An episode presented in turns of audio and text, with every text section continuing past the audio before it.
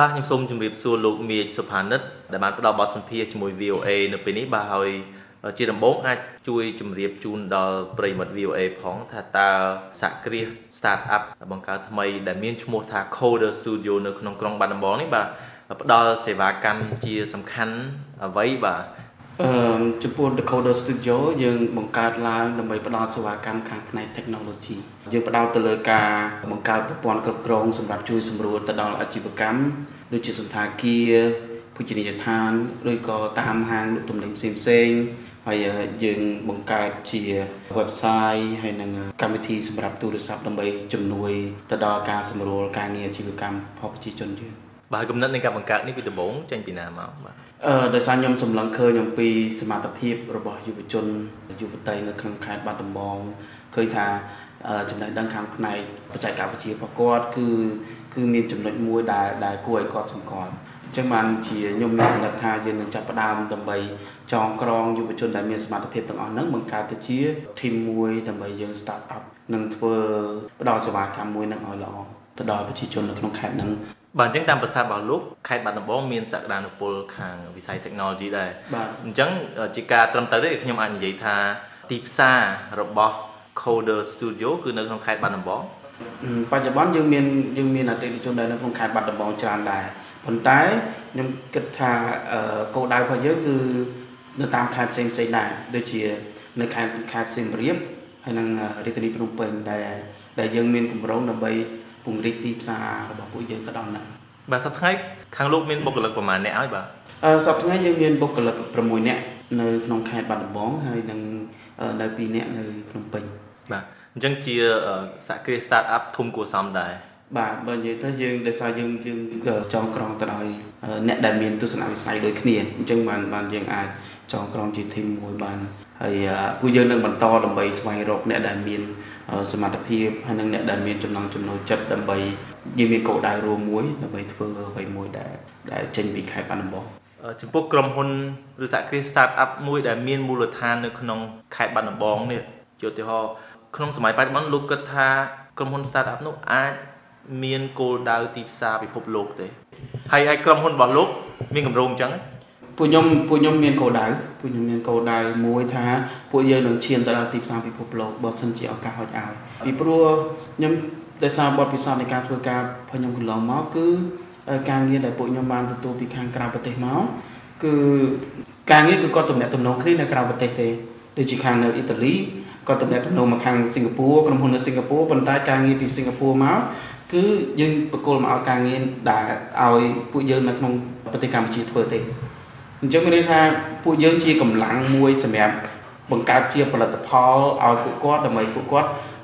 យកទៅទីផ្សារអន្តរជាតិចឹងមានថាសមត្ថភាពពួកយើងគឺអាចទៅរួចគ្រាន់តែយើងត្រូវការឱកាសនិងការបង្រឹងបន្ថែមបាទអញ្ចឹងគ្រាន់ចង់បញ្ជាក់ទីតាំងមិនសំខាន់ប៉ុន្មានទេសំខាន់អាចនៅធ្វើចំពោះក្រុមហ៊ុន startup ខាងបច្ចេកវិទ្យានៅទីណាក៏បានដែរសំខាន់ឲ្យតែមានកុំព្យូទ័រមានអីបបអញ្ចឹងបាទអាច ដៅទៅដល់ទីផ្សារពិភពលោកបាទបាទធ្វើនៅក្នុងផ្ទះបាយក៏បានបាទដោយសារលោកបានធ្វើការនៅច្រើនកន្លែងទាំងនៅក្រៅប្រទេសផងគាត់ថាអ្នកបច្ចេកវិទ្យានៅក្នុងខេត្តបាត់ដំបងគួរតែពង្រឹងខ្លួនដូចថាគួរតែចាប់យកឯកទេសខាងផ្នែកអីចំពោះចំណុចដែលពួកគាត់គួរតែផ្ដោតលើគឺទីមួយគាត់ពង្រឹងសមត្ថភាពខាងផ្នែកបង្កើតជាផលិតផលដែលយើងអាចសិក្សា និងតាមដានមើលខាងខាងក្រៅពិភពលោកហ្នឹងថាតើគេដល់ណាហើយថាតើយើងធ្វើយ៉ាងម៉េចដើម្បីឲ្យបានដូចគេហើយបើជាទូទៅគឺខ្ញុំចង់ឲ្យពួកគាត់បដោតទៅលើបើសិនជាឱកាសគាត់មានគាត់បដោតទៅលើការងារផលិតថ្មីគេថាគំនិតថ្មីដែលផ្ដល់អត្ថប្រយោជន៍ទៅដល់ការរស់នៅប្រចាំថ្ងៃរបស់ប្រជាជនអញ្ចឹងខ្ញុំគិតថាបើសិនជាគាត់អាចបង្កើតជាផលិតផលថ្មីមួយដែលអាចជួយសម្រួលដល់ប្រជាជនវាជាឱកាសជោគជ័យរបស់គាត់ច្រើនអឺស្ដាប់តាមអតិភិបរបស់ អាញាធរគឺកសិកម្មហើយ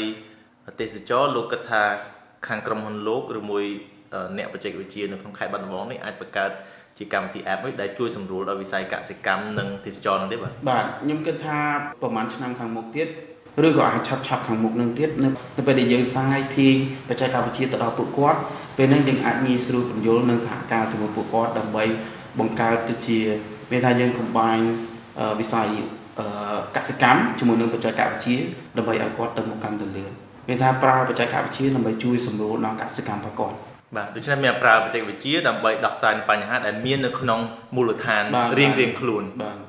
តាមដែលខ្ញុំមក ទស្សនកិច្ចនៅក្នុងក្រុងបាត់ដំបងនេះខ្ញុំសង្កេតឃើញថាមិនទាន់មានជារចនាសម្ព័ន្ធខាងវិស័យបច្ចេកវិទ្យានឹងច្រើនទេដូចតែខ្ញុំទើបតែជួបក្រុមហ៊ុន startup មួយ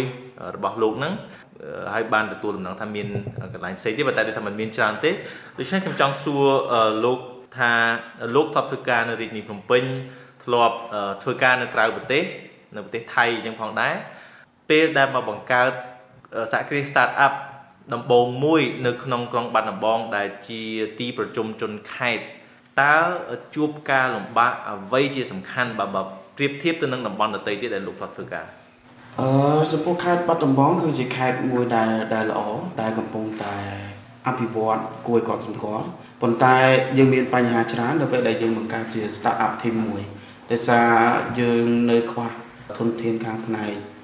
investment អញ្ចឹងការងាររបស់យើងគឺវាមិនអាចទៅដល់ធំភ្លាមភ្លាមទេដោយសារវាវាជាអ្វីដែលយើងចង់បានមែនប៉ុន្តែយើងមិនអាចទៅរួចអញ្ចឹងមានន័យថាយើងយើងព្យាយាមវាពីទូទៅទូទៅប៉ុន្តែបើសិនជា មានអ្នកដែលចាប់អារម្មណ៍ដូចជាខ្ញុំតែចាប់អារម្មណ៍ទៅលើយុវជន ខាងខេត្តបាត់ដំបងដែលពួកគាត់មានសមត្ថភាពហើយគាត់ធ្វើការវិនិយោគមកលើខេត្តហ្នឹងអញ្ចឹងខ្ញុំគិតថាពួកយើងនឹងអាចទៅស្រួលដល់ដល់មិនមានបញ្ហាបាទអញ្ចឹង ខ្ញុំចង់បញ្ជាក់មិនមែនបញ្ហាហ្នឹងនៅត្រង់ថាដូចខ្វះធនធានមនុស្សឬខ្វះហេដ្ឋារចនាសម្ព័ន្ធឬមួយជាជា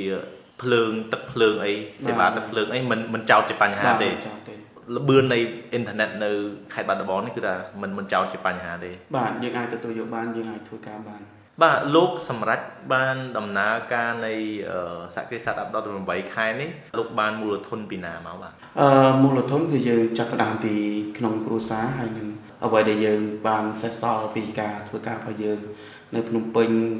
ហើយបាទជាទូទៅគឺគឺហើយយើងមានអ្នក investment ប៉ុន្តែធនធានរបស់គាត់គឺដូចគ្នាជាមួយនឹងយើងដែរដោយសារគាត់មានធនធានផ្ទាល់ខ្លួនរបស់គាត់ហើយគាត់ចាប់អារម្មណ៍ទៅលើការងារហ្នឹងចាំមកយើងចងក្រងគ្នាឡើង អ្នកដែលចូលហ៊ុនហ្នឹងជាជាអ្នកវិនិយោគនៅក្នុងក្រុមហ៊ុន startup របស់លោកហ្នឹងតើគាត់នៅក្នុងខេត្តបាត់ដំបងដែរឬមួយអ្នកពីក្រៅអឺគាត់នៅក្នុងខេត្តបាត់ដំបងដែរបាទដូច្នេះលោកអាចជម្រាបបានទេថាដើម្បីចាប់ដើម start up មួយនៅក្នុងខេត្តបាត់ដំបងប្រហែលជាត្រូវការចំណាយថវិកាប្រមាណទៅបាទយើងអាចនិយាយថាអាចខ្ទង់3000ទៅ5000សម្រាប់ការងារ start up មួយដោយសារយើងត្រូវចំណាយទៅលើ computer ចំណាយទៅលើ office ចំណាយទៅលើ internet បាទ និងចំណាយទៅលើការចាយវាយសម្រាប់បុគ្គលិកជាអ្នកនៅបាត់ដំបងនឹងក៏ប៉ុតមែនប៉ុន្តែលោកបានធ្វើការបានរៀនសូត្រនៅរាជធានីភ្នំពេញលោកបានយកគំនិតនៃ startup នេះមកក្នុងខេត្តនេះអឺលោកគិតថាបញ្ហាទំនាក់ទំនងជាបញ្ហាសំខាន់មួយទេនៅក្នុងខេត្តនេះដូចករណីលោកលោកមានទំនាក់ទំនងពីភ្នំពេញពីអីមកស្រាប់បើសិនជាយុវជនដែលគាត់រៀនខាង IT នៅក្នុងខេត្តបាត់ដំបងតែម្ដងគាត់ចាប់នៅមានគំនិតបង្កើត startup ដែរ គិតថាគាត់ជួបការលំបាកខ្លាំងដែរនៅពេលដែលគាត់ខ្វះអាតំណែងតំណងហ្នឹងបច្ចុប្បន្នយើងមានអ្នកភ្ជាប់តំណែងតំណងឲ្យគឺបណ្ដាញសង្គមអញ្ចឹងបើសិនជាគាត់អាចយល់ដឹងនិងអាចទាញផលប្រយោជន៍ពីបណ្ដាញសង្គមមួយហ្នឹងខ្ញុំគិតថាវាជាមិនមែនជាបញ្ហាចោតក្នុងការកសាងតំណែងតំណងជាមួយនឹងអតិថិជនបច្ចុប្បន្នតំណែងតំណងសហគ្រិនដូចជាពួកខ្ញុំ start up តិចតួចអញ្ចឹងជាមួយនឹងអាជ្ញាធរគឺគឺតំណែងតំណងគឺមានតិចតួចបំផុត បើនិយាយចំយើងអត់សូវមានតំណែងតំណងជាមួយនឹងពួកគាត់ទេដោយសារយើងយើងផ្ដោតទៅលើការងារហើយនឹងការស្វែងរកអតិថិជនរបស់យើងអញ្ចឹងខ្ញុំអត់បានមានតំណែងច្រើនជាមួយខាងអាជ្ញាធរបាទចំពោះមន្ត្រីអាជ្ញាធរដែលខ្ញុំបានជួបខ្ញុំបានសាកសួរគាត់អំពីទិសដៅអភិវឌ្ឍខេត្តបាត់ដំបងហ្នឹងគាត់បានលើកជាសំខាន់ទៅលើវិស័យកសិកម្មនិងទេសចរទោះបីថាខេត្តនេះ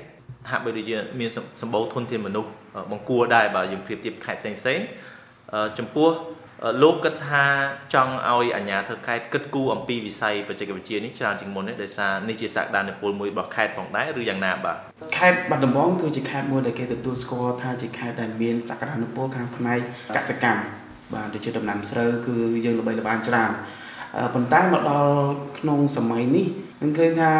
វិស័យមួយដែលដែលពួកគាត់គួរតែយកចិត្តទុកដាក់គឺវិស័យបច្ចេកវិទ្យាដែលកំពុងតែសាយភាយជុំវិញពិភពលោកហើយខ្ញុំគិតថាកូនខ្មែរដែលនៅក្នុងខេត្តបាត់ដំបងគឺគាត់ពួកគាត់មានសមត្ថភាពច្រើនហើយចំពោះការចំណេះដឹងបើប្រៀបធៀបជាមួយនឹងប្រទេសផ្សេងខ្ញុំគិតថាពួកយើងមិនមិនចាញ់គេប៉ុន្តែពួកយើងត្រូវការបើសិនជាយើងអាចមានជំនួយពីខាងពួកគាត់ទេខ្ញុំគិតថាវិស័យមួយនេះនឹងទៅមុខកាន់តែលឿនបាទត្រង់ចំណុចនេះខ្ញុំមានសំណួរជាចុងក្រោយថាតើ លោកមានការអំពាវនាវអ្វីដល់អាជ្ញាធរខេត្តក៏ដូចជាប្រជាពលរដ្ឋឬមួយក៏ដូចជារដ្ឋាភិបាលអីដើម្បីជួយជំរុញវិស័យបច្ចេកវិទ្យាមិនត្រឹមតែនៅក្នុងរាជធានីភ្នំពេញដែលជាទីក្រុងសំខាន់ឬមជ្ឈមណ្ឌលសេដ្ឋកិច្ចសំខាន់សំខាន់ប៉ុន្តែនៅដល់តាមតំបន់ជនបទឬទីប្រជុំជនខេត្តផងបាទសំណងពោពួកខ្ញុំគឺអត់មានអីច្រើនទេគឺគ្រាន់តែចង់ឲ្យពួកគាត់ចាប់អារម្មណ៍ច្រើនទៅលើខាងផ្នែកបច្ចេកវិទ្យា ហើយផ្ដល់ភាពងាយស្រួលទៅដល់យុវជនដែលគាត់មិនមានសមត្ថភាពគ្រប់គ្រាន់ក្នុងការបង់អ៊ីនធឺណិតឬក៏ស្រាវជ្រាវបន្ថែមអញ្ចឹងយើងអាចធ្វើជាកន្លែងមួយសម្រាប់ឲ្យពួកគាត់ជាកន្លែងប្រមូលផ្ដុំអ្នកដែលមានចំណង់ចំណូលចិត្តហើយនឹងការឆ្លាញ់ទៅលើបច្ចេកវិទ្យាហ្នឹង គឺយើងមានកន្លែងមួយសម្រាប់ឲ្យពួកគាត់អាច access ទៅ internet បានស្រួលហើយនឹងមានកន្លែងជាអានសភៅឬក៏កន្លែងប្រមូលផ្ដុំខ្ញុំគិតថាបើសិនជាមានកន្លែងអញ្ចឹងពួកគាត់នឹងអាចមកជុំគ្នា